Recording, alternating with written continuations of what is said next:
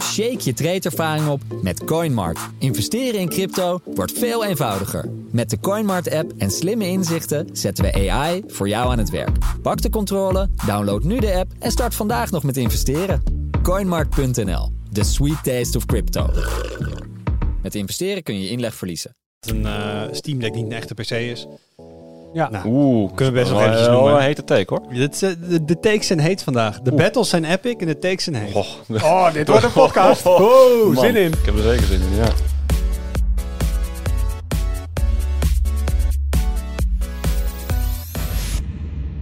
Hoi, leuk dat je luistert. Welkom bij een nieuwe aflevering van de Tweakers Podcast. Mijn naam is Wout en ik zit vandaag om tafel met Arnaud Wokken Hoi. En met Daan van Monsjoe. Hallo. Jur is heel bezig met een, eh, een bepaalde review, dus die, eh, die ging even doorwerken. We zitten met z'n drietjes deze week en we gaan het hebben over epische battles. Toch? Ja, zeker. Ja, nee, want eh, er wordt flink wat eh, afgevochten in eh, de rechtbanken van de VS. Tussen het bedrijf Epic, wel bekend als de maker van de Unreal Engine, of voor onze jonge luisteraars, dat bedrijf achter Fortnite. Ehm, en ehm, ja, eigenlijk iedereen eh, die eh, een platform heeft waar ze op actief willen zijn. In dit geval eh, Apple en Google. Mhm. Waarbij ze zeggen, ja, wij moeten in die App Store studie staan, wij moeten geld afdragen. Onze V-bucks zijn niet waard wat ze waard moeten zijn. Vinden we niet leuk. En ze proberen eigenlijk af te dwingen, als ik het wel heb, dat er gewoon makkelijker moet worden om buiten een App Store dingen om te installeren en betaalsystemen te gebruiken. Ja. Ja. Daan, jij bent ook al met Apple in die, die rechtszaak gedoken, die documenten. Nu loopt er eentje eh, met Google, als ik het Ja, wel heb. Dus daar gaan we zo meteen eventjes eh, over bijgepraat worden. Maar laten we eerst even de post doornemen. Ehm, ja, we hebben het natuurlijk gehad over, eh, vorige week over chat-apps, over interoperabiliteit, over Beeper. Mhm. Ehm, en dat ik eventjes Beeper gebruikt had. En ik zeg, Ja. wat mij opviel, is dat je met zo'n QR-code gewoon lekker kan koppelen. En dat je dus niet je wachtwoord en je ehm nog in aan plain text door hoeft te sturen. En Samuel DW zegt, ja, inderdaad, dat klopt. Die informatie hebben ze niet. Maar ze zijn wel officieel geauthenticeerd op je account. Dus ze hebben wel toegang tot je volledige account. Ik denk, ja, dat is ook wel ergens wel logisch. Want dat moeten ze hebben om eh, die chats door te kunnen sturen. Maar wat ze ook hebben, en dat wist ik niet, want ik heb er maar even naar gekeken, is dat ehm zij bouwen dus bridges, noemen ze dat, tussen al die verschillende diensten en de Beeper backend. En ze hebben blijkbaar ook de mogelijkheid om die bridges lokaal te draaien, in plaats van bij hun in de cloud. Dat vind ik wel heel erg tweakerwaardig, dat je Ja. dus al die ja, eh, bridges, proxies, die, die, die tussenlaagjes, dat je die zelf ook gewoon thuis kan, eh, kan draaien. Dus eh, hij zegt, hij gebruikt het zelf ook. Hij zegt, ik gebruik het voor Google Messages, SMS, WhatsApp, Telegram. Ehm, maar dat is niet via Beeper, maar gedeeltelijk self-hosted. Ehm, het kent inderdaad nog wat hiccups. Nou, als een tweaker zegt, ja, er zitten nog wel wat hiccups in. Dat betekent soms ook, het werkt eigenlijk niet. Maar ik vind elke het heel elke leuk. dag drie keer vliegt het eruit. Ik vind het wel heel leuk om eraan te klooien. Ehm, zeker om zegt hij omdat de grote naam op dit moment nog bijna meewerkt. Dat merkte ik ook, want ik had vorige week dus Beeper nog even in gebruik. En toen kreeg ik weer een update. Dat is wel leuk. Je hebt dan zo'n chatkanaal van de eigenaar. Mhm. Eric, met een moeilijke achternaam. Mitchikovski. Mitchikovski. Mitchikovski. Eh, die dan, eh, hey, alsof, het je, alsof je vroeger geknikkerd hebt. Dus die is je allemaal aan het vertellen wat er in de changelog staat. Ehm, en die zeiden, ja, we hebben een compleet nieuwe iMessage bridge gebouwd. Ik van, je had er toch al een? Je had die best even mogen opscheppen hoor, Wout. Want je hebt niet met hem geknikkerd. Maar je hebt volgens mij wel met hem op een terras gezeten of zo. Ik, ik, heb één keer, ik heb hem één keer ontmoet, maar dat was een puur sociale kring was dat. Precies. Omdat we met... Hij heeft in Delft, Delft gestudeerd. Ja. Eh, dus eh, ik kan niet zeggen dat... Ik weet nog dat ik ehm, een aantal jaar later op de CES was. En toen hij er met Pebble was. En toen was moeilijk een afspraak te krijgen. Maar toen kende hij me echt niet meer hoor. Oké. Dus eh, sorry, ik heb geen hij, insight. was, hij was de Wout van Tweakers vergeten? Ja, want hij is de Eric van Pebble en nu eh Bieber. Sorry. Hmm. Dat, dat, dat is hoe de, ver- de verhouding hier zit helaas. Ehm, interessant, we hadden het over QR-codes om die dingen te koppelen. En toen stuurde eh 87, Vortex 87, misschien geboortejaar, het zou kunnen. Zou kunnen. Eh, wat vinden jullie van QR-codes? En toen stopte ik even met lezen. Denk, ja, wat vind ik van QR-codes? Ik heb niet echt een mening over. Moet, moet ik daar ook al een mening over hebben in mijn leven? Wordt dit weer een corona-check ding? Ja. Maar ehm, toen, toen ging de rest van zijn eh, opmerking lezen. Dacht ik, hey, dit vind ik eigenlijk wel interessant. Hij zegt, ik vind het zelf niet zo veilig, omdat je niet altijd de volledige URL kan zien. En al helemaal niet kan zien of er een korte URL wordt gebruikt. Eh, nou, dat is al een ding. Hè? Als je online op linkjes klikt, dan is het heel normaal om te kijken, even een hover erop, waar gaat dit heen? Met de QR-code weet je het eigenlijk niet. Ehm, hij zegt nou, stel dat je een QR-code sticker die je zelf hebt gemaakt, over de QR-code plakt van een bedrijf dat ermee werkt. Bijvoorbeeld op, op een poster buiten of zo. Vervolgens kun je de website namaken van het bedrijf. Dan kun je enorm veel data verzamelen of zelfs betalingen afhandelen naar derde bankrekeningen voordat dit wordt ontdekt. Dit is vooral gevaarlijk bij bedrijven, evenementen, waar in korte tijd heel veel omzet gedraaid wordt. Of zie ik een aanvalsvector, sowieso mooi dat het woord aanvalsvector in de post Zeker, terugkomt, punten daarvan. die, Ja. niet, die niet bestaat. Ik vind hem eigenlijk wel, ik denk niet dat die enorm ver gezocht is eigenlijk. Helemaal niet. Nee, vind ik ook niet. Ik bedoel, we dachten even dat de QR-code dood was een jaar of vijf geleden. Nou, Zeker. het is niet waar. Hij leeft, hij is springlevend. Maar inderdaad, QR-codes op posters of bij een kraampje of een stand of iets anders. Als je daar een sticker overheen plakt met een andere QR-code. Ik weet inderdaad niet wat daar staat.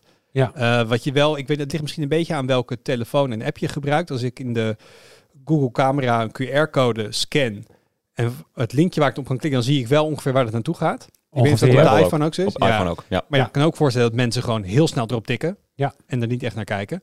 En als je dan een phishing site erachter hebt zitten, dan, ehm, ja, dan kun je daar slechte Ja. dingen mee doen. Of als je een URL shortener hebt, weet je wel, t.co op Twitter eh, of X. dan kan je ook niet zien waar het heen gaat, want het is een shortener die doorverwijst. Ja. Ja. Soms, soms dan eh probeer ze dat nog wel van tevoren af te vangen door de, de URL al te volgen en in je software weer te Mhm. geven. Te ontvouwen, ja. Te ontvouwen. Ehm, eh, maar ik denk hier al een paar jaar over na. Ik Is ben een zo? beetje geschokt dat jij dit niet had gedaan. Want dit is gewoon de fysieke versie van op linkjes klikken. Dat is gewoon wat het is. En ehm, nou, nee, want een Ja. link... Nee, ja en nee. Maar bij een link kan ik makkelijker de URL achterhalen dan bij een QR-code. Ja, maar dus het is een fysieke versie van linkjes klinken met minder transparantie over waar je op precies. klikt scant. Ja, mijn beleid is, ik scan geen QR-codes in het echte dagelijks leven. Tenzij ik zeker weet dat het goed is.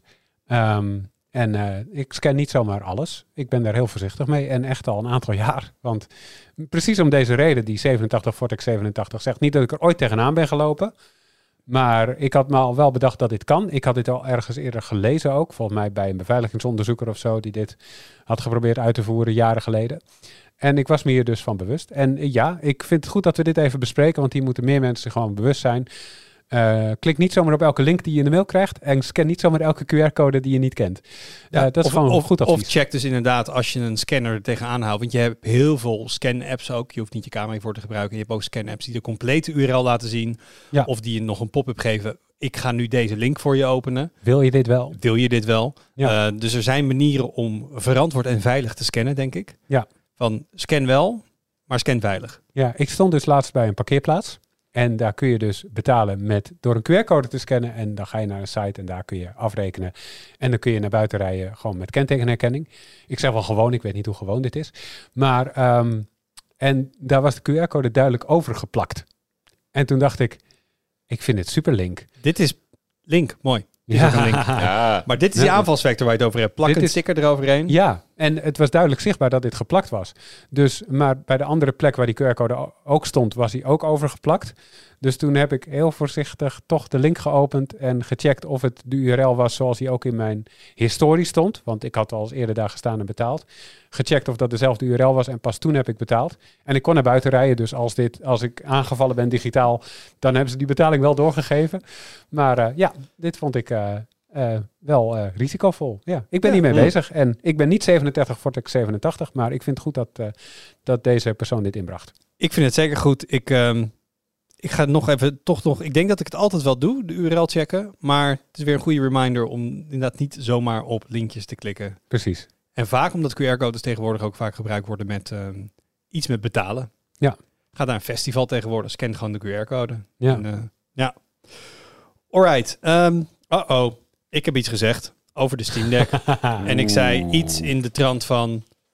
Dat voor mij had het erover dat je ook de, de, ROG Ally had. En dat dat dan een volwaardige PC was omdat er Windows op draaide. En als eh, Windows gebruiker... ehm, ja, vind ik dat een hele normale opmerking. Maar toen bedacht ik me... Oh, ik gebruik geen Linux. Maar heel veel andere mensen wel. Eh, waaronder eh Cambion. En die zegt... misschien was het een beetje slecht verwoord. Nou, dat van mijn kant misschien wel. Maar ik vind eh, Linux in zijn algemeen toch wel een beetje te niet doen op deze manier. Vrijwel alles is tegenwoordig goed op Linux te doen. Daar ga ik me niet aan wagen. Uh, maar zeker voor de particuliere tweakers, uh, wat denk ik wel de grootste markt voor de Steam Deck. Maar in algemene zin en in de context van een Steam Deck user vind ik Linux prima passend en net zo goed, tussen haakjes, echt een PC als een Windows apparaat. Daan, Um, jij bent volgens mij Linux ervaringsdeskundige. Ja, ik gebruik ook gewoon wel Windows, maar ook Linux. Mhm. Absoluut. Nou, ik vind als de RG Ally een PC is, dan is de Steam Deck ook een PC, ondanks dat die Linux draait. Oké. Maar dat vind ik discutabel. Zijn het überhaupt allebei PC's? Dat is een ander verhaal. denk Ja, ik. ik Want dat dus- zijn handhelds. wat Ze nou- draaien wel een, win- een, een PC Ja. OS allebei, maar Maar ze hebben toch HDMI out? dat is waar. Je kan ze Dus aan een dokje ik, zetten. Ik, ik Ja, kan ze aan een dokje koppelen. Dan heb ik een complete desktop. Dat is waar.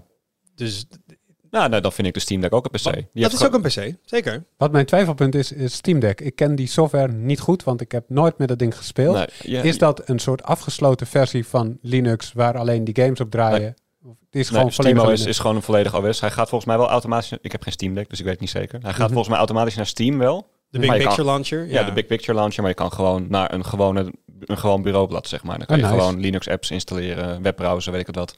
Dus Ja. nou, ja, het is wel echt een open PC in dat opzicht. Dan stem Ja. ik ook voor PC. Ja, nee, het, ik, dit klopt ook gewoon helemaal. maar is ook een PC. En wat, precies wat we zeggen, je zegt het is een handheld. Ja, een laptop is ook een PC. Dat is een Dat is draagbare PC. En dit is een extra draagbare PC. Dat is waar. En je kan hem inderdaad in een dokje zetten of zo. En dan, eh, Maar ik zou dit, dit zou ik zeker wel, nou, als ik zo'n ding heb, want hij is niet traag. Er zit best wel een leuk apuutje in. Ehm, dus inderdaad aan een dokje koppelen via USB-C, DisplayPort out en dan een draadloos toetsenbord en muis. En dan heb je gewoon een complete desktop die je gewoon heel makkelijk meeneemt, makkelijker dan een laptop. Zeker. Ja. Ja. Even kijken. Ehm, we hadden het nog eventjes over, ehm, dat ging- dat ging voor mij over de ok. De OK. De ok en de De punt ok. en dat soort dingen. En eh Fizzy zegt, om je nou gekrenkt te gaan voelen door een punt of een andere schrijfwijze, dat vindt hij snowflake gedrag. Ehm netetiketten prima, maar dit soort doorgeslagen onzekerheid. Het invullen wat een ander bedoelt voordat je niet doorvraagt is van zonde. Ik vind het wel goed dat je niet te veel voor anderen moet invullen, ben ik wel mee eens. Maar we hadden het hier voor de opname eventjes over. En toen maakte Daan nog even een punt, want dat is toch net even weer een, gene- Mooi, ja. net even een generatie onder mij. Want jij zegt een, een punt achter een zin op WhatsApp. Nou, punten op WhatsApp is oké. maar de laatste zin met een punt afsluiten, dat is een oorlogsverklaring. Dat is, dat is niet netjes. Maar, wacht, als ik aan jou een berichtje stuur, dat bestaat uit drie losse zinnen. Dan mag ik na zin 1 en 2 een punt doen Ja. en elke zin met een hoofdletter beginnen. Maar de laatste De zin... laatste niet. Nee, dat doe je niet. Nee, ik ben dan ook niet echt beledigd hoor. Maar nee, dat, dat doe ik niet. Maar dat zou Nee. je opvallen. Als zou- ik jou dat een berichtje stuur en die ja. laatste heeft... Dan denk Ja. je, wat heb, waarom is wel Nee, boos? kijk, als mijn ouders dat doen, vind ik dat ook niet oké. Maar als een leeftijdsgenoot dat doet van een jaar of, eh, weet je wel, ergens midden twintig, dan heb ik wel zoiets van, oh, jeetje. En het is niet dat ik dan beledigd ben hoor, maar nee, dat is inderdaad, eh, dat, vind- dat is etiket. Ja. Ik ben ook team niet punt aan het einde van de laatste zin.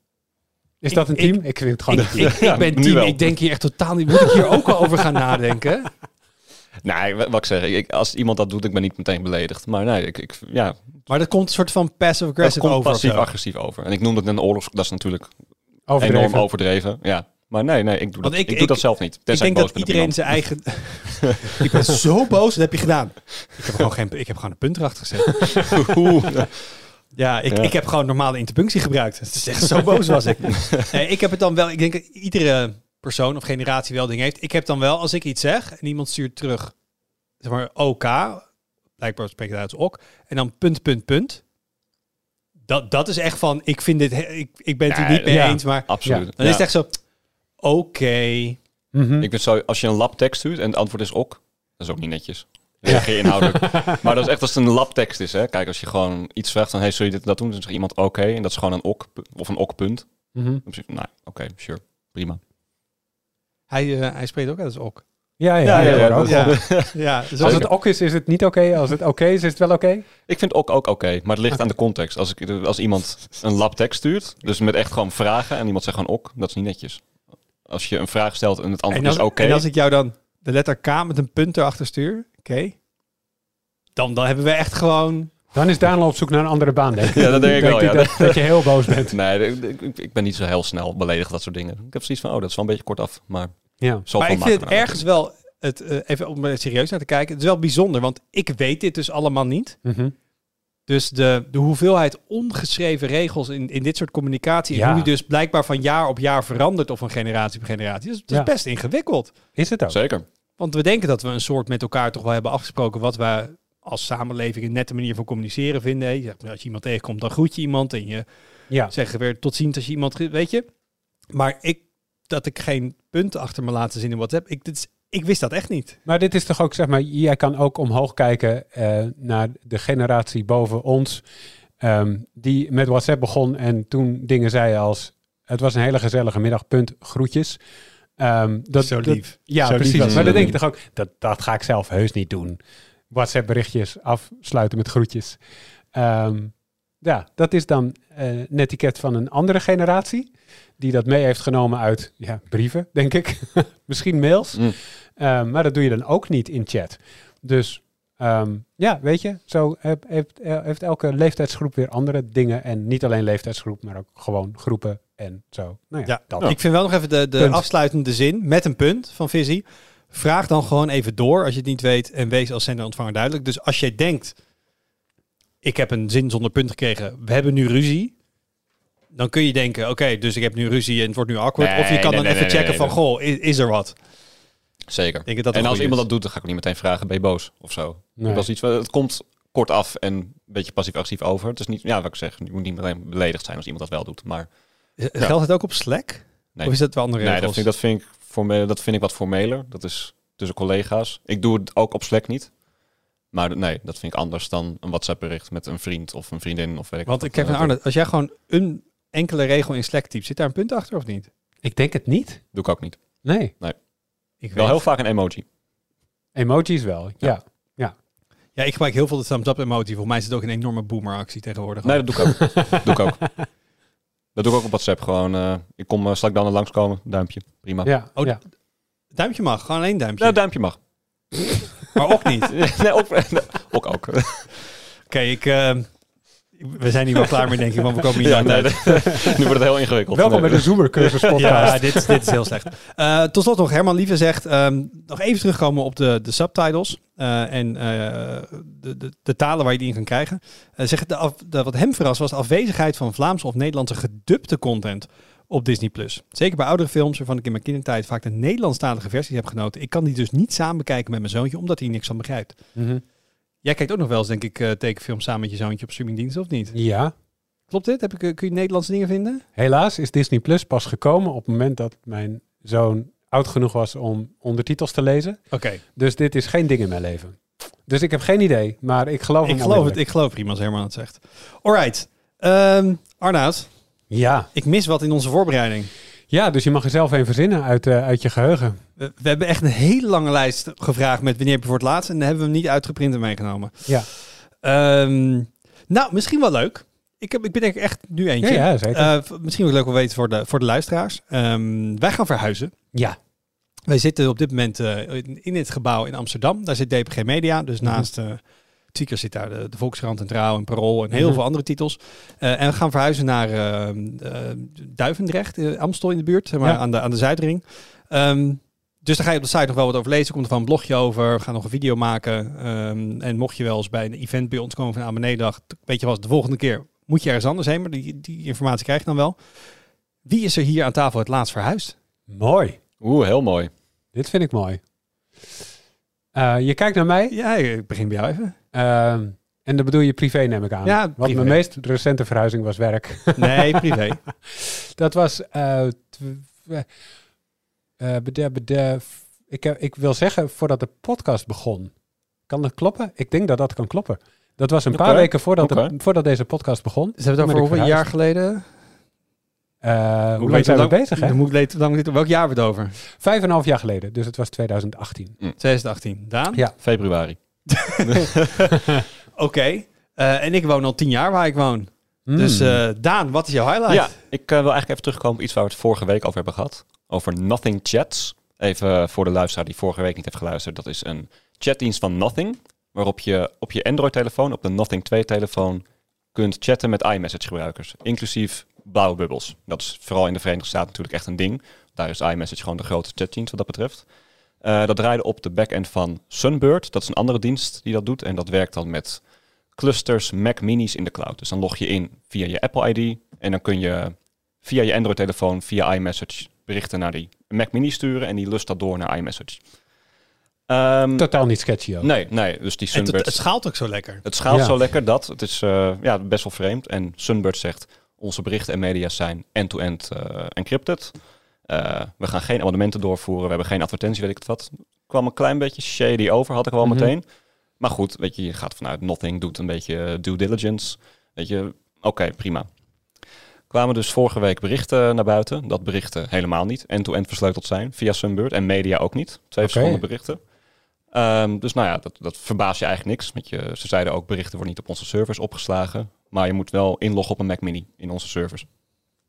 Tuurlijk staan die berichten daar. Ja, dus inmiddels is Nothing Chat na een paar dagen weer offline gehaald uit de Play Store. Sunbird is, ligt nu ook stil. Die zeggen we stoppen onze dienstgeving terwijl we berichten over beveiligingsproblemen onderzoeken.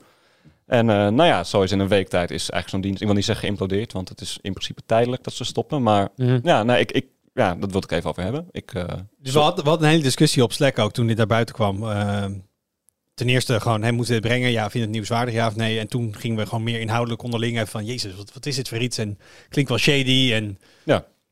dat was, was een beetje gek, maar eh, ik ben niet geheel, ver- ver- laat ik zo zeggen, ik ben daar niet verbaasd. Om als blijkt inderdaad dat ze die dingen niet kunnen garanderen dat het encrypted is. Ja, daar ben ik niet verbaasd over. Maar Nee. dat inderdaad nothing hiermee in zee gaat om een paar dagen later erachter te moeten komen dat het toch niet zo goed is als ze dachten. Ja. ja, dat. Ja, het straat voor mij echt negatief af op Nothing.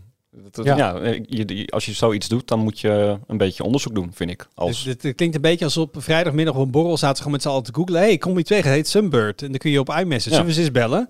Mhm. En dat ze twee weken later zo'n berichtje eruit gooien. Ja, precies. Nou, ik snap het. Zeker in de Verenigde Staten als je wil doorbreken. Daar is Ja. iMessage heel populair. Dus heel veel mensen kopen daar een iPhone vanwege iMessage. Ja. En als je daar dan als Android-fabrikant een dienst voor hebt van... hey, op ons telefoon kun je ook iMessage gebruiken. Mhm. Dat is eh, hartstikke leuk. Maar ja, ja, wat ik zeg, doe een beetje onderzoek. Ik, ik, eh, ja, ik, ik schrok ervan, maar ook weer niet. Ja, het is, Inderdaad. eh, ter context, iMessage is echt de WhatsApp van de Ja. Verenigde Staten. Echt letterlijk. Ja. Ik had laatst voor mij gezien, ik, voor mij bij jongeren, en dan moet je even, ik weet niet precies hoe het afgebakend wordt, maar volgens mij heeft 85% of in ieder geval meer dan 80% een Ja. iPhone. Dat Ja. is echt bizar. Ja, Ja. En als je dan inderdaad een blue bubble bent, dan word je gewoon verketterd. Nou, het is- Green het- Bubble. Blue Bubble is... ja, ja, blue bubble is goed, green bubble word je verketterd. Ja, het is niet alleen verketterd worden, maar het, eh, via sms kun je geen groepsdingen aanmaken. Dus dan maak je een groepje aan. En dat doen we in Nederland ook de hele tijd met de sportvereniging. Of Ja, de dat bedoel ik met verketterd. Je de komt gewoon niet in de groepschats terecht. Je komt niet in de groepsgesprekken. Dat is gewoon wat het is. Want En als jij is- namelijk, als er één sms'er in jouw groupchat zit, dan wordt dat zeg maar de, de lat. Ja, Dus dan worden alle foto's over MMS opeens gestuurd en dat soort dingen. Dus, Ja. je, dus alle features vallen weg. Dus je hebt echt best wel, nou ja, hartverscheurend is misschien wel een beetje overdreven. Maar je hebt verhalen gelezen Ja. van, en vooral dan eh, tieners, Mhm. die dan inderdaad, als je op de middelbare school een, eh, een Android hebt, dat je dan gewoon echt niet in groepsgesprekken mag. Want jij, Ja. jij sloopt dan het groepsgesprek en dat vindt de rest irritant. Maar dat is echt een soort ja, sociale uitsluiting voor, op die leeftijdsgroep. ja. Maar wat denk je wat dit gaat betekenen voor Nothing? Want eh, Nou ja, ik, ik weet niet of meteen die hele fabrikant opgedoekt wordt. Nou, ik, ik vind het voor mij, ik, ik, ik, kijk, ik zou sowieso denk ik, ik, ik, ik heb een iPhone en ik zit een beetje in het ecosysteem nu helaas. Mhm. Dus ik zou sowieso geen Nothing telefoon kopen. Dit zou voor mij misschien wel een reden zijn om het ook niet gewoon niet meer te doen. Maar ik ben er ook wel een beetje gek in, denk ik. Privacy dingen, weet ik het wat. Dus. ja, ze proberen wel echt, want dat was een, het hele ding van Nothing is, ze proberen echt een soort van iPhone, maar dan onderscheidend met die lichtjes aan de achterkant. Maar dat is wel een beetje de, de, de vibe waar ze voor gaan. Ja. Ehm, het is ook één telefoon per jaar tot nu toe. Heel strak. Ehm, eh, dus op zich zijn ze daar lekker bezig. Eh, maar dan kan je dit soort uitgeleiders niet permitteren. Aan de andere kant, ik snap het wel, die focus op de Verenigde Staten. Want als je daar maakt, het is een beetje een soort klassiek verhaal. Maar als je daar maakt, dan kan je het overal If maken. you Ja. can make it there, you can make it anywhere. Exact. Dus zo werkt het wel. En, ehm, eh, eh, en dit was hun, zeg maar, hun eh, ding om te kunnen doen. Als een Samsung of zo gaat dit natuurlijk nooit doen. Daar zijn ze veel te groot voor. De risico's zijn te groot. Nothing is nog klein. Die kan proberen op een enigszins creatieve manier hiermee om te gaan zonder dat er allemaal juridische afdelingen ehm, eh, en, en red teams eh, opstaan en zeggen eh, misschien is dit niet zo verstandig en daar zie je dit aan. Maar dat kan natuurlijk ook weer dan een terugslag geven en dat is precies wat we hier hebben gezien denk ik. Ja. Maar er is, er is een manier hoe je als eh, bedrijf hiermee om kan gaan. En dat is heel erg hard de vinger de andere kant op wijzen. Wa- wa- Wat zegt Nothing hier zelf over? Je kan ook zeggen, nou, Sunbird heeft ons helemaal verzekerd dat het allemaal helemaal in orde was. En ons hele mooie dingen voorgeschoten. En kijk eens wat ze nu doen. Je kan heel makkelijk je handen hiervan aftrekken. Ja, heel eerlijk. Ik weet alleen dat ze het uit de Play Store hebben gehaald. Oké. Ik heb verder Hmm. niet echt... eh, Ik, nee, heb ook, ik heb ook niet heel duidelijk... Ze zeiden nothing? Weet ik niet. ik heb in ieder geval niet... Maar ik heb niet heel duidelijk een soort, dan was ik het denk wel tegengekomen, een soort Carl Pij die in een video Ja. rant tegen Sunbird van ze hebben ons, uh, they screwed us over of zo. Nee, ze hebben wel een video gezet waarin ze iMessage voor Android eindelijk hebben gemaakt. Het kan. Heel trots. Nee, nee, heel het, is Dat, heel, eh, het is heel trots geïntroduceerd. ja, maar dat was natuurlijk al langer in de pijplijn, dus dan Hmm. is dat makkelijk te produceren. En nu moeten ze ineens gaan, gaan improviseren. Ja. En dan is het niet zo makkelijk te doen natuurlijk om dat in Ja. videovorm te gieten. Maar Het is officieel ook tijdelijk offline. Dus misschien komt het terug. hm, Ik, Of- zou, ik zou hem er als gebruiker niet meer aan wagen, denk ik. Maar Of het is helemaal niet meer nodig. het is een heel mooi bruggetje. Want, mooi dit. Oh, Arnoud, Ja, ehm, he- wat, wat hebben we allemaal? Hell has frozen over. Pasen en Pinkster vallen op één dag. Wat hebben we nog meer? het Ehm, sneeuwt in augustus. Het, ja. Ik zou zeggen dat het gaat sneeuwen in augustus volgend jaar. Dat vind ik een mooie. ja, want. Want Apple gaat RCS ondersteunen. Om precies te zijn, RCS Universal Profile. Ehm, dat is. ehm, wacht, dit, eh, hier moet even een stukje geschiedenis bij. En dat vind ik leuk. Dus. Ehm, eh, SMS is er al heel lang. Was een soort van bijproduct voor de telecomproviders om weer wat berichtjes uit te wisselen. Maar dat was meer een soort van engineering product dan dat ze dachten dit wordt echt een ding. Dus ze hadden het heel beperkt gehouden op, eh, op eh, 160 tekens en zo. Werd toen heel populair. Weten we allemaal, sms was het grootste, eh, de, de grootste, hoe noem je dat? Cash cow? Eh, Hier in, in Europa wel. Melkkoe, ja, in Europa wel. Ehm, en in Amerika was het weliswaar niet een melkkoe, Maar maar werd heel snel daar al unlimited texts. omdat ze daar onbeperkt konden sms'en stuurden, dat hebben, heb ik nog wel eens getikt, dat soort nieuwsberichten, stuurden ze gemiddeld 4.000 tot 5.000 berichten per maand. Toen dacht ik nog, jeetje wat veel. En als je nu alle WhatsApp-chats bij elkaar optelt, Oh ja. dan, eh, dan kom je ook wel eind. dus wat dat betreft. Ehm, maar, ehm, maar in die tijd al, dus meer dan 15 jaar geleden, ehm, want eerst kwam MMS. Maar MMS was een soort van uitbreider van sms, met, waarbij je dus foto's en filmpjes kan sturen. Maar heel bewerkelijk. En daar ontbraken nog ook een heleboel functies. MMS'en deed ik op mijn Nokia N95. En dat Precies. voelde heel cool toen, in 2007. Zeker. Je kon foto's en filmpjes, multimedia kon je versturen op je multimedia telefoon. Dat was heel cool. Maar ehm, eh, MMS, die, eh, eh, dat, dat, dat was heel duur en er ontbraken heel veel dingen. De opvolger van die twee dingen was Rich Communication Services, RCS. Eh, en die standaard is al gemaakt in die periode ook, 2007, 2008. Dus de tijd van de N95 en de eerste iPhone. Toen waren ze er al mee bezig. Ehm, en dat kwam uit de koepelorganisatie voor providers. Maar providers wilden daar in eerste instantie niet echt aan, want sms was nog de grote melkkoe. En ehm, ze zagen helemaal niet aankomen dat het ooit snel vervangen zou worden. Toen kwam WhatsApp. Dat was twee, drie jaar onderweg. En toen was dat echt al dominant en namen de sms-inkomsten hard af. Toen gingen ze ineens wel naar kijken. Dus rond tien jaar geleden probeerden ze daar iets mee. Maar toen waren ze eigenlijk net iets te laat en hadden chatdiensten zoals WhatsApp, maar ook iMessage en ook ehm, eh, Line en eh, dat soort dingen in andere Telegram en Signal en Ja, die kwamen iets later. en maar inderdaad, die, die hadden die functie al overgenomen. Dus toen hadden ze in eerste instantie eh, niet zoveel aandacht meer voor. Er zijn wel wat initiatieven geweest. De T-Mobile Join, J-O-Y-N. Eh, dat, was een, dat zou een soort van extra abonnementje worden waarmee je dan eh, RCS kon gebruiken. Eh, en dus onderling groepschats en onbeperkt foto's en video's versturen. Maar er was weinig markt voor. Waarom niet? Omdat WhatsApp al bestond. Dus ehm, eh, toen is dat weer een beetje begraven totdat Google het oppakte. En het is gaan pushen als een soort van ehm, eh, nou, opvolger van sms sowieso. Maar ook eh, om te zorgen dat er tussen iPhone en Android communicatie eh, zou moeten kunnen komen als concurrent voor iMessage. Want op iPhones is het zo, en Daan, jij weet dit, want je gebruikt een iPhone. ehm, en je kan sms'en met Android-gebruikers, maar voor alle andere dingen heb je een aparte app nodig. En eh, Google vindt dat dat niet nodig meer zou moeten zijn, anno nu. Die zijn dus enorm hard aan die kar gaan trekken, hebben de providers weer meegekregen. Sindsdien is Google ook een soort van aanvoerder van RCS geworden. Heeft het geprobeerd end-to-end encrypted te maken. Dat is ook gelukt. Ehm, Ze hebben verschillende spotjes ook in de VS en gewoon Ja. online waarin ze Apple een beetje te kakken zetten dat Apple nog steeds geen RCS ondersteunt. Precies. Ehm, maar eh, het, het, het interessante is nu, want dit is natuurlijk een kwestie van timing. RCS, zoals ik al zei, bestaat al meer dan 15 jaar. Apple had het, nou, bij wijze van spreken, de eerste iPhone al kunnen stoppen. Maar in elk geval wel in de, in de vijfde of de zesde. Ehm, dat kwam niet. Het zit sinds een jaar of zes, zeven wel in heel veel Android-telefoons. En ehm, ja, nu komt er dus Europese wetgeving aan. En ik vind die relatie heel interessant, eh, Daan. Ja, kijk jou aan, want jij Mhm. weet ook veel van de Europese wetgeving. Ehm, maar eh, je kan niet ontkennen dat het erop lijkt dat Apple dit een beetje lijkt in te zetten als onderhandelingstactiek. Zo van, je hoeft ons niet meer te reguleren. Kijk maar, wij stellen onze berichten-app open. Hoe ja, zie jij dat, dat? denk ik ook. iMessage valt officieel nog niet onder de Digital Markets Act, zoals dat heet. Dat is die wet die eh, inderdaad interoperabiliteit tussen apps en tussen chat-apps eh, reguleert. De monopolies moet tegengaan. Precies, ja. En daar wordt nog onderzoek naar gedaan. Voor iMessage. Dat wordt geloof ik over een maand of drie afgerond Er wordt door de EU. gelobbyd Er door wordt partijen als enorm Google gelobbyd. Ja, om het er inderdaad. lekker onder te In schuiven. principe staat er onder vallen. Apple heeft gezegd, eh, iMessage hoort er niet onder te vallen. Heeft Google ook gedaan met Bing, geloof of eh, Microsoft ook gedaan met Bing, geloof Mhm. ik. En met eh, nog iets. Zo mooi, want ze zijn heel trots op hun diensten. En in dit geval ze maken ze, ja, Ja. maar wie gebruikt er nou Bing, Ja, jongens? precies. Ja, nee, precies. En Apple ook in Europa, jongens, iMessage, het is echt dat kansloos. stelt niks voor. Nee, precies.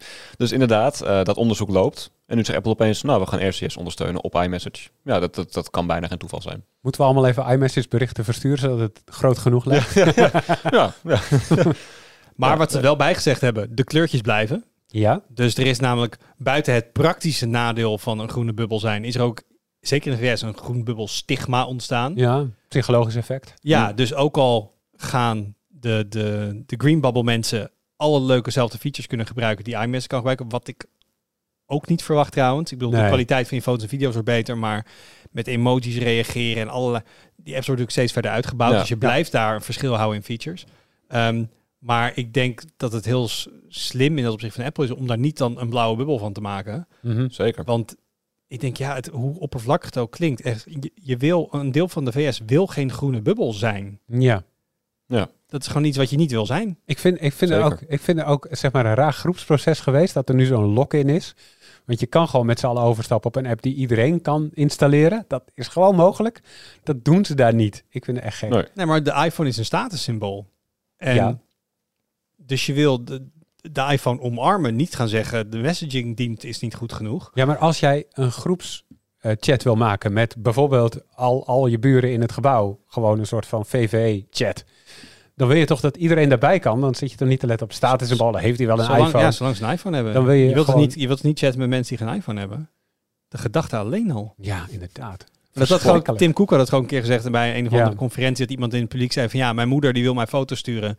Ehm, alleen die kwaliteit is echt heel slecht. Eh, wanneer ga je R6 ondersteunen? En dan zei hij heel erg leuk, haha, buy een iPhone. Ja, ja, V- vind ik echt op heel veel vlak een hele nare opmerking. ja. Hm. Maar ehm, Dat is wel hoe een deel van Amerika daarnaar kijkt, ja. Ja. Ja. dan moet Ja. je maar een iPhone hebben. Je hebt er toch zelf voor gekozen om geen iPhone te hebben. Terwijl ik denk, oké, tuurlijk, je kan ze tweedehands kopen en dat soort dingen. Maar even, evenwel, de iPhone is een enorm luxe product waarvan een Mhm. nieuwe gewoon sterven stervens duur is. Waarvan een heel groot deel van de wereld het niet kan betalen. Ehm, veel mensen die hem kopen hem eigenlijk ook niet kunnen betalen. Maar dan maar in de schulden gaan, afbetaling, omdat ze hem zo graag willen hebben. En dan zo mag doen, koop je gewoon een iPhone. Ko- Koop je, Ja. koop je gewoon een Porsche. Ja. Wat doe je nou moeilijk? Ik- het, het, het- het zit uit zo'n positie van privilege dat je dat kan zeggen. Sorry, dat vond ik echt... Ik vind die opmerking, die zit mij heel erg dwars, merk ik. Het zit me ook dwars. En het komt ook gewoon omdat ehm eh, welbewust zetten ze nu de cultuur voort waarin ze eh, bij een berichtendienst zitten die is van de fabrikant van de telefoon. Eh, daarmee beperk je welbewust cultureel concurrentie. Dat is niet iets Ja. waar je met een regel iets aan kan doen. Eh, iedereen zou kunnen stemmen met de voeten, doet dat niet. Ik, vind, ik, ik kan daar ook niet bij. Maar ik moet wel zeggen, ik heb wel het idee dat Google wil natuurlijk ook... Google wil ook een iMessage hebben. Ja. Dat, hartstikke mooi dat ze voor RCS op de trommel slaan, maar ze willen ook gewoon een iMessage hebben. Elke fabrikant wil dat. Ze hebben natuurlijk allemaal messagingdiensten geprobeerd. Ja. Wie kent er Allo nog? Hallo, Niet heel veel. ik steek mijn hand op. Ehm, en ik merk nu wel, als je ook een beetje de, de ontwikkelingen rondom Google Messages op Android volgt, dat sluipt ook een klein beetje die kant. Want volgens mij, dat is dan aanvankelijk alleen met een telefoonnummer. ja, Maar voor mij gaan ze nu ook je Google-account daaraan kunnen koppelen. Dus dan Ja. kun je mensen vinden op basis van een e-mailadres. En dan kan ik me ook voorstellen dat er een feature of 1, 2 komt. Als iemand aan de andere kant ook Google Messages gebruikt als app, dat je dan Mhm. wat extra... Dus ik heb het idee dat Google... Ze hebben natuurlijk bijna een periode gehad dat al die mislukte chat-experimenten van... Oké, we hebben gewoon Google Messages, dat is een sms-app, daar houden we het bij. En die zijn ze nu heel langzaam aan het uitbouwen naar toch weer een poging om een chat-app te maken eh, die wat breder is. Ehm, het zou me niks verbazen als er iMessage-achtige features in gaan sluipen de komende jaren. maar sinds BlackBerry groot werd onder tieners, Pingen. 20 jaar geleden, pingen. Nou, 15 jaar geleden, goed. Ehm, weet iedereen in de telecomindustrie dat als je mensen wil binnenhouden, dan moet je ze koppelen via eh, je berichtendienst waar niemand anders bij kan. En dan kan je heel veel geld vragen en verdienen. Ja. Totdat eh, dat muurtje wordt gesloopt, want dat gebeurde bij BlackBerry gewoon. En, Ja. eh, en dan is het over. Maar in ieder geval, ehm, ook niet te zuur zijn. Hartstikke goed dat Apple eindelijk RCS ondersteunt. Ja. Het kon ook gewoon. Ze hadden ook echt geen goed verhaal meer. Nee. Van even los van het hele groepschat, dat soort dingen. SMS is gewoon de verouderde standaard. Dit is gewoon de nieuwere standaard. Ja, Waarom ondersteun je niet gewoon de meest courante standaard? Dat, Precies. Daar heb je ook geen goed antwoord op. Dus goed dat het gaat gebeuren. Ik denk niet dat de EU erin trapt. Nee, dat is als ze zeggen, ik, kijk, kijk, moet je eens kijken, we zijn helemaal interoperable en zo. ik denk het ook niet. Je het prikt is je wel heel snel doorheen. Hoe staat het ook weer met de DMA? Je moet direct één op één gesprekken kunnen ondersteunen. ja. Twee jaar later groepsgesprekken. En Ja. nog eens twee jaar later video. videogesprekken. Maar dat is FaceTime, dus een losse app. Valt dan onder de DMA. Ja, Dus het zal ook, als het tot DMA toch komt, zal het ook wel meevallen. Nog even, denk ik. Dat denk ik ook. Dat denk ik ook. Maar ik vind het opvallend dat ze deze zet nu al doen en aankondigen. Nou, dat tijdens het onderzoek. Dat Tijdens is wel het onderzoek? Ja, je kan het niet hard maken, maar dat lijkt mij inderdaad wel met de reden van... Kijk, EU, we zijn wel goed bezig. We zijn wel lief. Ja, En ik ben dus wel in de praktijk benieuwd, daar gaan we hier in Nederland weinig van merken, of dit dus iets gaat veranderen aan de blue versus green bubble situatie. Kijk, je hebt nog steeds het psychologische, ik wil het kleurtje niet zijn, maar voorkomt dit dat kinderen op het schoolplein uit de groepschats worden gegooid omdat de foto's van slechte kwaliteit worden en zo. Dat zou ik wel een goede stap vinden. Als dit ervoor zorgt dat in Amerika, of wat gaat mij niet aan, maar ik heb te doen met de mensen daar, Ha. dat het chatlandschap inclusiever wordt, dan is het alsnog gewoon een goede zet. Eh, ben Ja. benieuwd Ja. of dat het effect gaat hebben. ja dat weet ik Ja, niet. want de RCS-ondersteuning wordt gewoon wereldwijd bij Ja. Apple, toch? Oké, en als je Ja. echt onder de DMA moet vallen, is het waarschijnlijk alleen voor de EU zijn ook nog eens. Ja, klopt. Dat, Ja. Die krijg je echt niet uitgelegd. Als ze zeggen alleen in Europa gaan we RCS ondersteunen, in Amerika Nee, niet. nee, nee, zeker. Nee. nee. Ehm, ja, jongens. Jongens. Ja, Er Oh, was, er was, man. oh heer, ah, jongens. Ach, de soap van de week. Mm. Eh, ik, ga het niet, ik ga het heel kort proberen samen te vatten voor wie het niet gevolgd heeft. Ik ga even een shout-out doen naar onze collega's van The Verge, die dit verhaal heel goed volgen en hier bovenop zitten. Dus als je, die hebben er heel veel over geschreven. Dus als je er meer over wil, kun je ook daar kijken. Ehm, maar de cluster F bij OpenAI, clusterbom. de clusterbom. Zo. Heel kort, ehm, OpenAI is het bedrijf achter ChatGPT. Mhm. OpenAI is opgericht in 2015 als non-profit. Onder andere destijds door Elon Musk. Eh, Sam Altman is daar de grote man ehm, en de CEO. En het was op- bedoeld als research. Wij gaan research doen naar veilige AI voor the betterment of all humanity of zo. Dat staat ook in, dat is hun missie, hun charter. De laatste jaren is dat steeds meer opgeschoven naar vercommercialisatie van die technologie. ChatGPT hebben ze voor mij nooit van kunnen bevroeden dat dat zo'n gigantische dienst Nee. werd. En je ziet dus ook dat een Sam Altman in een, een, een sneltreinvaart het laatste jaar bezig is geweest. met, Oké, hoe maken we hier een product van? Hoe kunnen we hier abonnementen op verkopen? En ze hebben natuurlijk vorige week of de week daarvoor een soort app store aangekondigd. Je kan je eigen GPT's maken en dat soort dingen. Nou, het, het verhaal, wat dus een paar dagen, vijf dagen geleden naar buiten kwam van het weekend, Zoiets. Ja. is dus dat de board had Sam Altman ontslagen. De CEO gewoon Ja. eruit gezet, want vage reden, je hebt niet transparant gecommuniceerd. Ja, Nou, daar kun je niet zo heel veel mee. Wat daarachter schijnt te zitten, is dat de board nog best wel vol zit met mensen die heel erg aan het originele charter willen vasthouden. Noemen ze Mhm. wel. Binnen de AI-wereld heb ik zeg maar de, de accelerationist. Mensen die snel sneller willen gaan en mensen die willen deceleraten. Van voet op de rem, rustig jongens, niet te hard gaan. moet het Dit wel is- veilig doen. ja, Ja. precies. Ehm, dus het idee is dat Altman een beetje een accelerationist was. De board vooral ook decelerationist. En zeggen, oké, dit gaat niet goed. We moeten op de rem stappen. Want wij oorspronkelijk vanuit de non-profit hebben als doel om dat charter te beschermen. Waar ze alleen niet echt aan gedacht hadden, is dat Sam Altman heel populair is in dat bedrijf. Mhm. Dus er was bijna meteen muiterij. Dat heel veel medewerkers zeiden, eh, ja, eh, Sam terug of iedereen stapt op. Toen had je twee dagen met eh, het ene bericht wat het andere opvolgde. En was die CEO en toen werd die CEO. En toen is iemand van de board die aanvankelijk Sam Altman erbij was om hem te ontslaan. Is een soort naast Sam Altman gaan staan en zegt ik heb heel veel spijt van wat ik gedaan heb. Ehm, ik ben toch voor Sam Altman. Mhm. Ehm, toen kwam Microsoft en die zei: Hey Sam Altman, wil je voor ons komen werken? Dan krijg je ongeveer ongelimiteerde funds en een research lab. Dat zei Satya Nadella. En die, oké, leuk. Dus voor mij per zondag werkte Sam Altman voor Microsoft. Ja. Toen zei Satya Nadella: Trouwens, als je bij OpenAI werkt en je wil hier komen werken bij dit lab, iedereen is welkom, alle 700 medewerkers. Ehm, Gewoon, dat is een soort van overname toch gewoon? Ja, alleen bedrijf te IP. een soort, soort, soort Ja. uitkopen. Je hebt, die, je Ja. hebt eh, de IP niet, maar de mensen gewoon een, een, Precies. eh, een brain drain.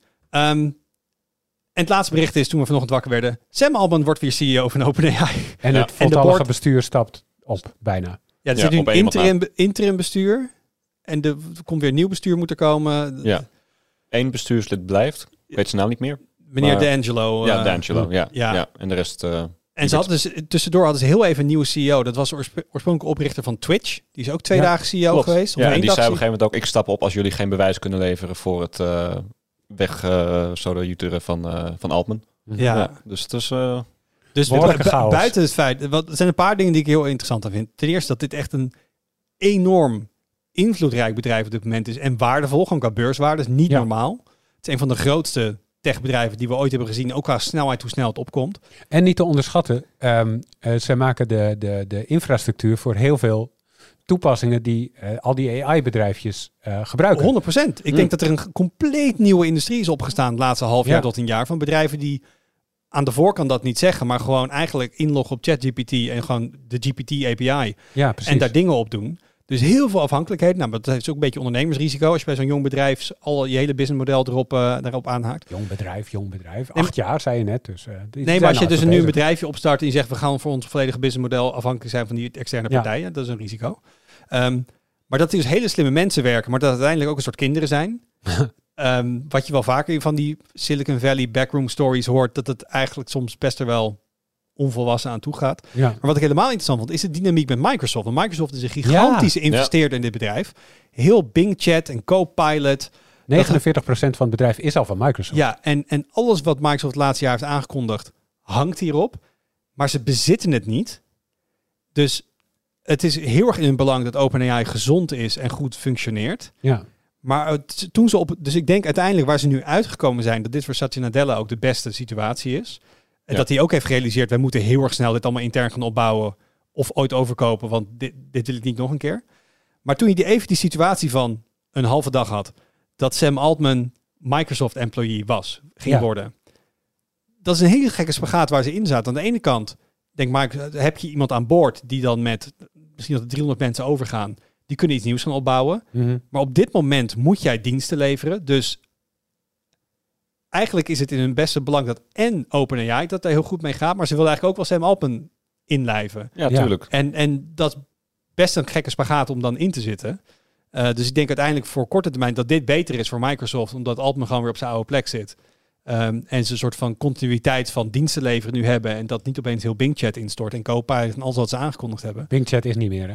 Sorry, Copilot. Ja. Ja. Ja. Ehm, maar op lange termijn merkt wat je zegt dat bedrijfjes afhankelijk van ChatGPT. Ik bedoel, Microsoft zou het geen bedrijfje noemen, maar ik denk dat dit wel laat, toont in die hele wereld van AI.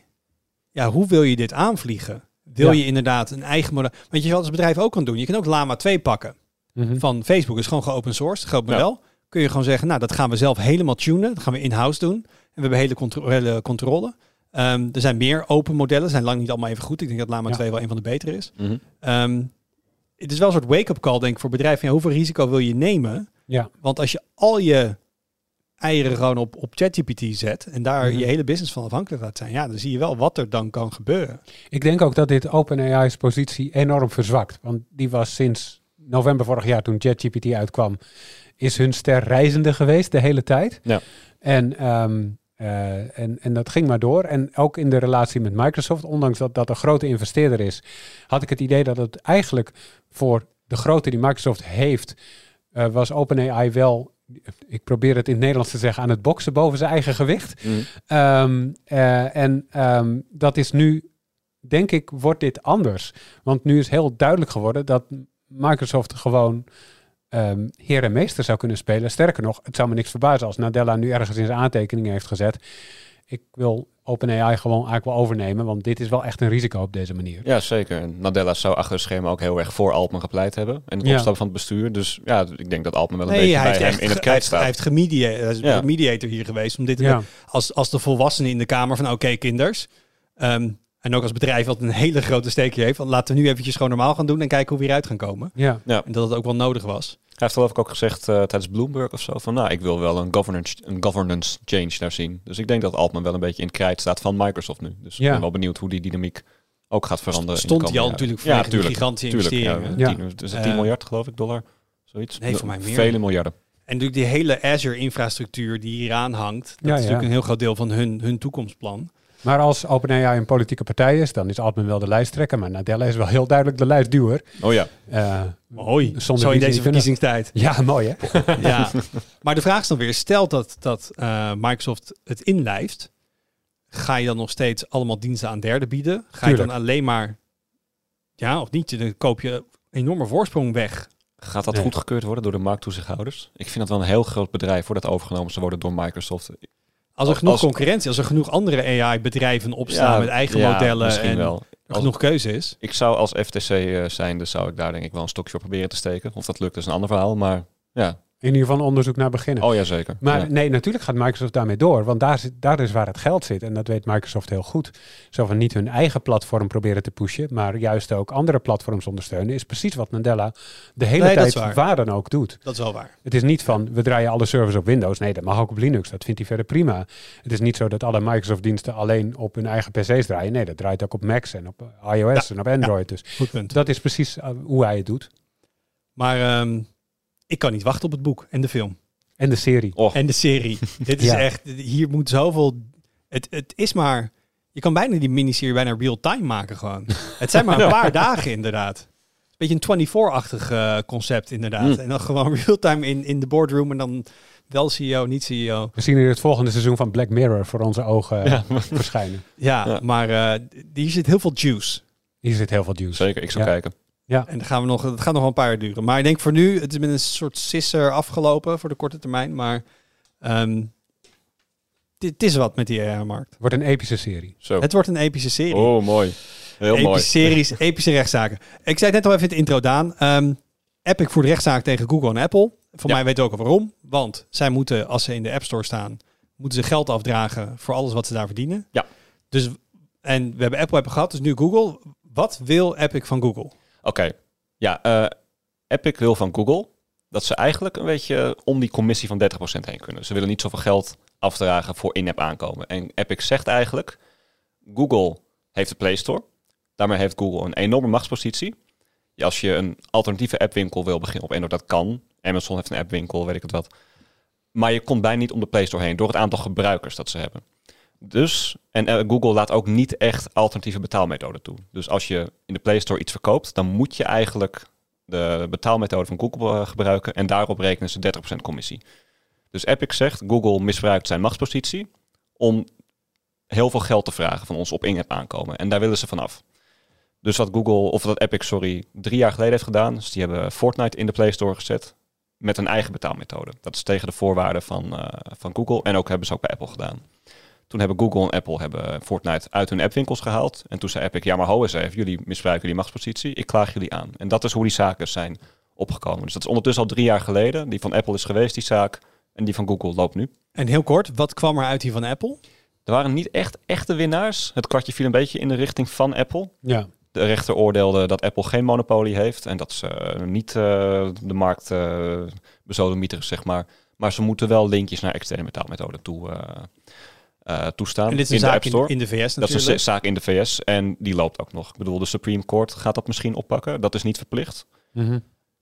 Als ze dat uh, doen, dan wordt dat waarschijnlijk een bindende uitspraak. Want dat is het hoogste gerechtshof in de VS. Maar dat, het is nog niet zeker of die zaak gaat komen bij de Supreme Court. En als die er komt, dan uh, moet die maar ook we hebben natuurlijk ook nog de, de, de DMA-hoek hier in Europa. Ja. Die kan zeggen, hey, Ja, jullie nee, hier zijn in de EU, op dat eh, platform. Zeker hier in de EU uh, moeten, geloof ik, onder de DMA alternatieve betaalmethodes. Want Arna had in de vorige podcast ook al als highlight dat Apple werkt aan support voor alternatieve Ja, voor sideloaden. Ja. voor siteloaden Ja. op. Dus het is leuk dat Epic deze zaak of dat Apple deze zaak in de VS dan misschien enigszins gewonnen heeft, maar dat betekent niet dat dit er niet gaat komen links of rechtsom.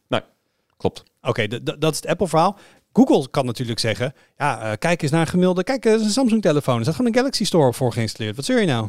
Ja, klopt. Dat is ook een van de hoofdargumenten die zij voeren. Van elke, heel veel Android-telefoons hebben twee appwinkels voor geïnstalleerd. En gebruikers kiezen zelf voor de Play Store. En dat is ook wel zo, denk ik. maar het is misschien ook iets dat zichzelf een beetje in stand houden, weet je. De Play Store is de grootste. Daar staan de meeste apps op. Dus waarom zou je dan naar een andere appwinkel gaan als gebruiker? Dus Ja, als die wat, mag... moet, wat moet Google? Apps eruit gaan gooien? Nee, nee, natuurlijk niet. Nee, het is, het is een heel complex eh, verhaal in dat opzicht. En, Ja, en- ik vind het ook echt niet zo duidelijk als bij Apple. Ik bedoel, bij Apple kan je niet om de App Store heen. En Nee, als zeker. je de App Store gebruikt, dan kom je ook niet om Apple Pay heen of het Nee. betaalsysteem. Ehm, dus dat, dat moet je met een rechtszaak of met wetgeving afdwingen. Maar op Android ligt dat wel echt genuanceerd. Zeker, want je kan eigen appwinkels opzetten en Ja. verspreiden. En je kan apps sideloaden. En Google doet pilots met alternatieve betaalmethodes. Nog steeds met commissie. Ja. Los van voor bepaalde apps. Dat is een van de dingen die naar voren kwamen. En Spotify voor, maar voor die alternatieve app stores, die moeten volgens mij wel eh voorgeïnstalleerd zijn. Want ik bedoel, een Samsung Store is voorgeïnstalleerd, is een system app, heeft alle rechten en kan Ja, daardoor een app store zijn. Maar volgens mij kan de Amazon App Store wel los geïnstalleerd worden. Weet ik overigens niet maar dan heb je zeker. volgens mij wel, als je iets uit zo'n... Correct me if I'm wrong, ook mensen die luisteren. Maar volgens mij, bijvoorbeeld als je dat F-Droid installeert, ehm, dat is een alternatieve app store. Mhm.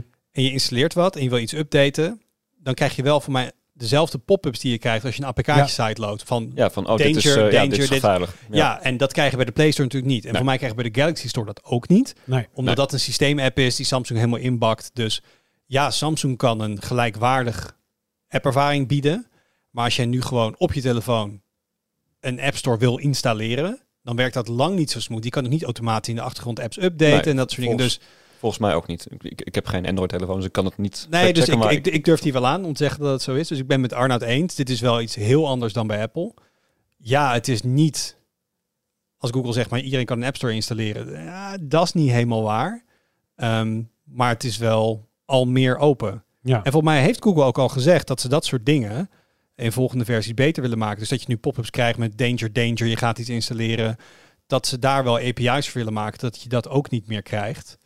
Ehm, dus de vraag is een beetje, hè, wat de zaak moet nog voorkomen. Is dit een jury of een rechterzaak? dit is jury en de vorige rechter. Dus het is ook niet gegarandeerd dat dit dezelfde, dat, dat eh, de jury dezelfde conclusie trekt als de rechter in de Apple-zaak. Dus Oeh. het is, het is geen gedane zaak. Het is niet van, dit is niet verloren, zeg maar. Krijg je Apple- allemaal, mensen van, echt wel allemaal winnen. mensen van straat die er niet zoveel van af weten, die moeten hier dan. Ik vind het lijkt een heel interessant Ja, systeem. zeker. Maar goed, dan gaat Google naar het beroepshof. En als Epic verliest, gaat eh, Epic naar het beroepshof. Dus eh, dit, dit zal nog wel even doorspelen, neem ik aan. Maar waar staan we nu in deze zaak? We hebben dan nu de, de, de opening arguments gehad of zo. Want Ja, we weten oh, wat. ik heb heel erg in de zaak tussen Microsoft en de FTC gedoken. Dat was heel simpel. Zes hoorzittingen, een paar weken later uitspraak. Hier staan echt hoorzittingen gepland tot half december of zo. dat duurt nog wel even. Dus eh, er zijn een hoop eh, gewoon hoorzittingen al geweest. Echt, Oh, die zijn met ook de, al geweest. ja, dus met, de, met al de CEO argumenten van Google. Dus en- ja, zeker. Ja, dus dat is nu gaande en dat duurt ook nog even. Wat, wat is jouw. Van wat jij nu van beide kanten gehoord hebt. En je bent geen jurist, moet er even bij zeggen. Ja. Maar gewoon eventjes als, als Jan met de pet. Wie heeft het sterkste verhaal wat jou betreft tot Ik nu vind toe? het heel lastig, want wat Arnoud en wat jij ook zegt, Google is relatief open. Komen wel dingen naar voren uit de rest. Dat ik denk, zo, poeh, wel echt Vertel. heftig. Ehm, Google wordt gesanctioneerd door de rechtbank, omdat ze hun chatberichten intern niet goed opslaan. Dus tot, aan de, die- C- tot de CEO aan toe zeggen sommige mensen gewoon, zet je chatgeschiedenis uit, want anders wordt het misschien gebruikt in de rechtbank. Mhm. Dat is En er was mij ook een soort van interne slide van mensen die bij Google komen. Ja, er was een soort, er was een leuk soort dat je van... bij Google werkt. Dit zijn dingen die je moet weten. Wij worden heel vaak aangeklaagd, dus pas op met dingen die je opschrijft. Ja, er was echt een soort van trainingsdocument voor medewerkers van let op hoe je intern communiceert. En dan echt Ja. met voorbeeldscenario's van je bent boos op je manager, want die ging naar een honkbalwedstrijd en jij was aan het bierbuggen en het werkte niet. En er staan er opties en de beste optie was geen mail sturen, off the record, offline praten. De backup was via Hangouts, gewoon eh videochatten, maar dat was, had niet echt de voorkeur, want dat kan nog steeds gearchiveerd worden. Mhm. En dat soort dingen, weet je, dat denk ik echt van, Ze hebben beleid Man. op geen bewijsmateriaal. Ja, dat is echt verzamelen. heftig. En dan zeggen zij, ja, kijk, privacy voor onze medewerkers. Sommigen zitten bijvoorbeeld in eh, substance abuse supportgroepen en dat wil je niet archiveren. Prima. Maar Mhm. als je praat over... Dat de Dat CEO soort zegt van, dingen. hey jongens, zet even chatgeschiedenis uit. Ik ga even wat dingen delen. ja, in nu. dit groepsgesprek zet eventjes de chatgeschiedenis uit. Mhm. Want als je dat uitzet, dan worden berichten 24 uur bewaard. En anders in, in, in gewone groepsgesprekken 30 dagen. En in threads geloof ik 180 dagen of zo, of een half jaar langer.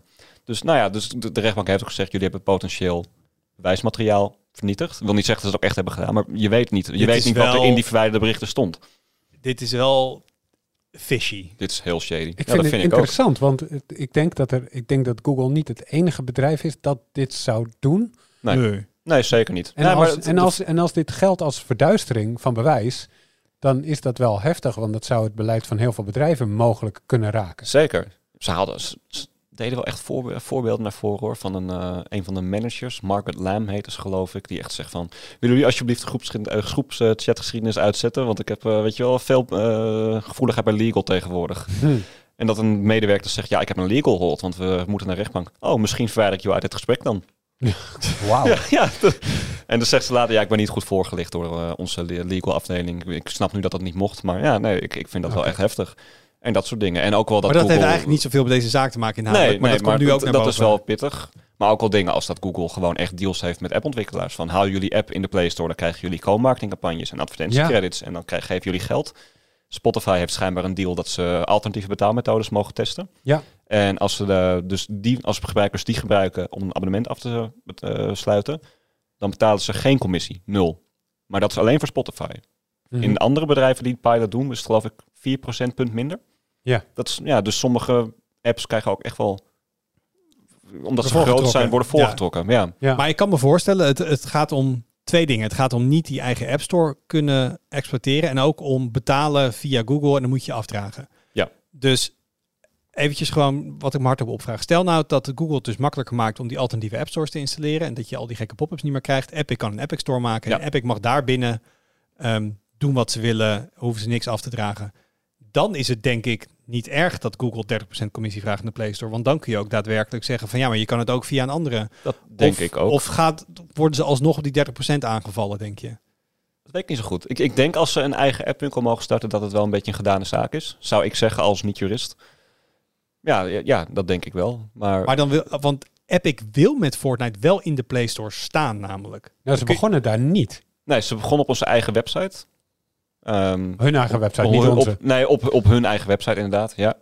En eh, toen ging ze naar de Play Store met een... Want wat je, eh, wat je ook gaat, hoe makkelijk je het ook maakt voor alternatieve app stores, het meeste bereik ga je vinden Ja. via die officiële store. Zeker, ja, en dat is ook wat Epic eh, Dus, zegt dus daar wil je volgens mij altijd wel in staan. Ja. Kijk, voor mij Ja. is het voor Epic is het wat ze het allerliefst willen, denk ik, is dat ze.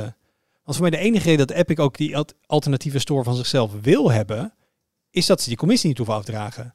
Ja. Als Apple tegen 0% of, of Epic tegen 0% commissie betaling in de Play Store kan doen, denk ik niet dat het ze het erg vinden om in de Play Store te staan. Maar je hebt de meeste eyeballs. Je Ja, niet je eigen store te ontwikkelen. Het is ook wel een beetje een principe kwestie voor ze. Nou, kijk natuurlijk, dus het, het blijft een enorm groot bedrijf, dus er is altijd een beetje hypocrisie in. Maar bijvoorbeeld op de PC hebben ze natuurlijk de Epic Game Store. Daar vragen ze ook Ja. 12% commissie. Daar Ja. ze overigens nog steeds geen winst op gedraaid op die store. Daar, Daar zie je trouwens wel ehm, in, de, in de strijd om de downloadwinkels dat concurrentie dus inderdaad die commissies omlaag brengt. Ja, precies. Want daar op, op PC is het helemaal geen Zeker. 30%. Dat rekent niemand Ja. meer. Nee, in, in rechtbankdocumenten komt ook naar voren dat Google echt bang was voor het eh, contaminatie-effect. Van als Ja. Epic een eigen store zou beginnen. En dat ze daarom dus echt gameontwikkelaars aan zich willen binden door...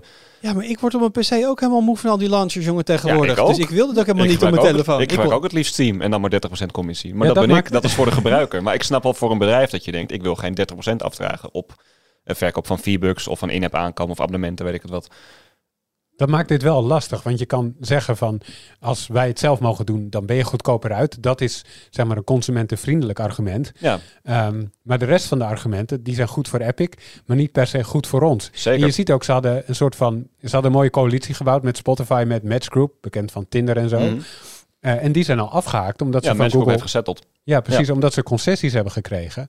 En, en, en die hebben de strijd opgegeven. Epic staat nu eigenlijk nog alleen in Dat die rechtszaak. alleen. Ja, Ja, zeker. dus ik vind dat wel, nou ja, goed, dat heeft Google al uit elkaar gespeeld. En dan zie je dus ook, zeg maar, de, de, de, de, de bedrijfstactieken die Google daar toepast. Er kwamen ook nog wat dingen naar buiten, inderdaad, over dat ze betalingen doen. En ook van diverse hoogtes voor de diverse ontwikkelaars, om dingen in de Play Store te krijgen.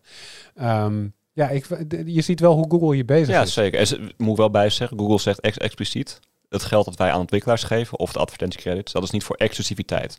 Dat is puur zodat ze hun apps niet terugtrekken uit de Play Store. En we vinden ze gewoon lief. ja, ja, tuurlijk, dat is het. Dat, ja. dat, is, dat is het vooral. Nudge, nudge, wink, wink. Nee. Ja, maar bij, trouwens bij Apple, het, het klotst, of Epic, het klotst tegen de plint natuurlijk vanwege Fortnite. Oh ja. Eh, het geld. Maar, maar maken ook nog het argument van boehoehoe, eh we lopen zoveel geld mis hier. Dat lopen ze natuurlijk wel. Maar is het ook, is, Ja, het, is, het, is dat een het, ding? Het, volgens mij- het gaat, draait volgens mij echt om die monopoliemacht die Google zou hebben. Dus Het is gewoon niet om de ge- gederfde inkomsten van moet je kijken wat Nou, we dat, allemaal... dat- dat vast. Ik weet niet of ze dat echt eh, naar voren brengen. in de recht- Ik heb dat niet echt naar voren zien komen. Het is ook, het, deze rechtszaak kan je niet volgen via Zoom. Dus je Ja, bent maar- aangewezen op andere journalistieke websites, zoals wederom The Verge, net als met OpenAI. Die, eh, kunnen er die, gewoon bij hebben, gaan ja, die hebben iemand in de rechtbank daar in San Francisco die erbij gaat zitten en live logt. Reuters en Dus Bloomberg, die zijn Reuters en er Bloomberg zitten er absoluut ook. Ja. Ja, zeker. zit er ook dicht op. Dus eh, Maar tot, tot halverwege december hoorzittingen. Ja. En dan moet er ook nog meteen daarna een uitspraak komen? ik geloof dat eh, de verwachting is dat het voor de feestdagen nog wel gebeurt, een uitspraak. Maar dan eindigt het niet, want ze gaan natuurlijk allebei in beroep. Oh ja, zeker. Ja, dat gaat nog jaren duren. Dat zie je met Apple. dat was, die zaak kwam in 2021 voor.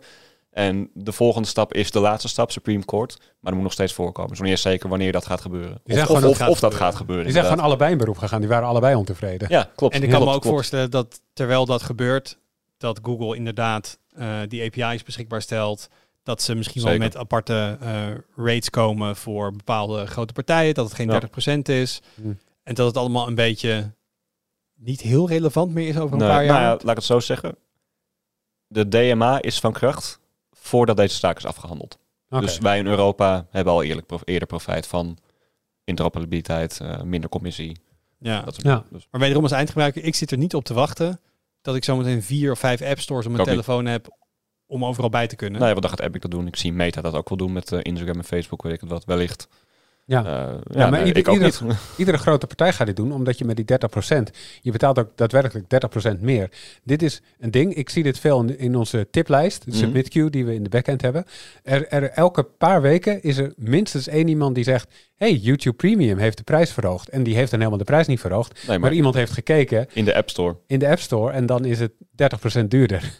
Ja. Ehm, dus dit is, dit is wel echt een ding wat dan beter is. En dus gaat elke grote partij dit doen, want je gewoon verkoopt meer abonnementen als het 30% goedkoper is. Nou, en laatst ook toen, eh, hè, toen Meta inderdaad een betaald abonnement voor eh, Facebook en Instagram introduceerde, ook in ons eigen bericht stond, het kost 10 of 13 euro. Ja, Afhankelijk van waar je het afsluit. waar wij het afsluit. Allebei Ja. duur, overigens, maar dat is een ander verhaal. Daar hebben we het ook al uitgebreid over gehad, of we dat het geld waard vinden. En het antwoord was volgens mij nee. nu. Ehm alright, nou jij gaat het nog eh, volgen eh, vanaf, eh, Zeker. vanaf hier. Nou, je zit niet in de rechtszaak, maar ik ben, Nee. ehm, ik ben benieuwd. En nogmaals, via de, via de DMA-route gaan we denk ik toch wel je beweging in zien. Zeker, ja, dit Ja. is vooral voor de VS, denk ik. eh. Dat denk Ja. ik ook. Maar ook even leuk. Even over de plas kijken wat er, eh, Precies. wat er Ja, zeker. Nou, ja, inderdaad de dingen die naar voren komen over Google en Epic in de rechtszaak. Zoals dat Project Hug, dat Google dus geld betaalt aan ontwikkelaars. of Project ja, Hug, Project. Ja, we geven ontwikkelaars een hele innige knuffel. Ja, dat is, Ja. dat is de tendens. Een eh, knuffel dat gemaakt van groene biljetjes. Ja, Ja. advertentiecredits. Ja. Even kijken, dan gaan we nog even kijken naar wat er op de site verschijnt. We gaan dit weekend weer terug in de tijd. Ja, Daan? Nou. Waar gaan we heen? Eh 10, 15, 20 jaar geleden. Ik ben er nog mee bezig. Ah, gisteren, ik had gisteren nieuws ik moet er nog een beetje aan beginnen. Maar Aha. hij komt zondag online. Dat gaat helemaal Oké. goed komen. Dus We ik eh, weer- laat nog even in het midden wat erin komt. Maar het wordt vast weer leuk. Spannend. Nostalgie is altijd goed. Eh Arnoud, jij bent weer eens in wat prijsdata gedoken. hè?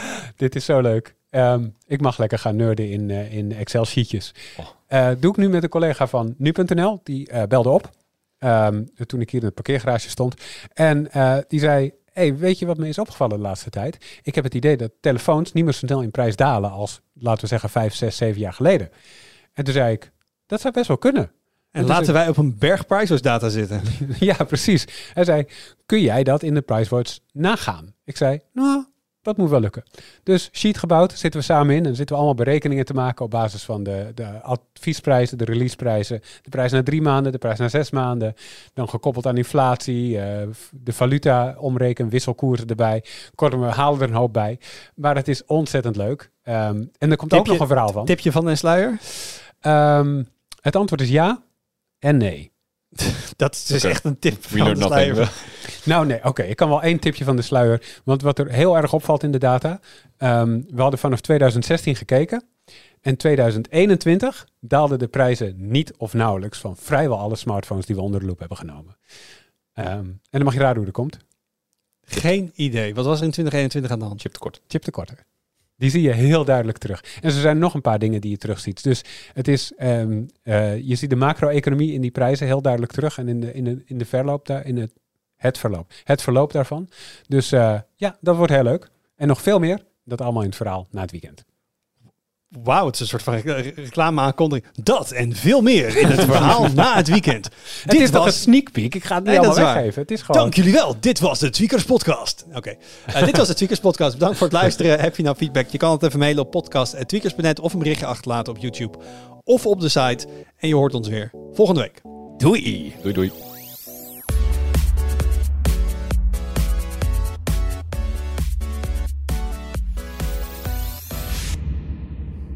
Doei!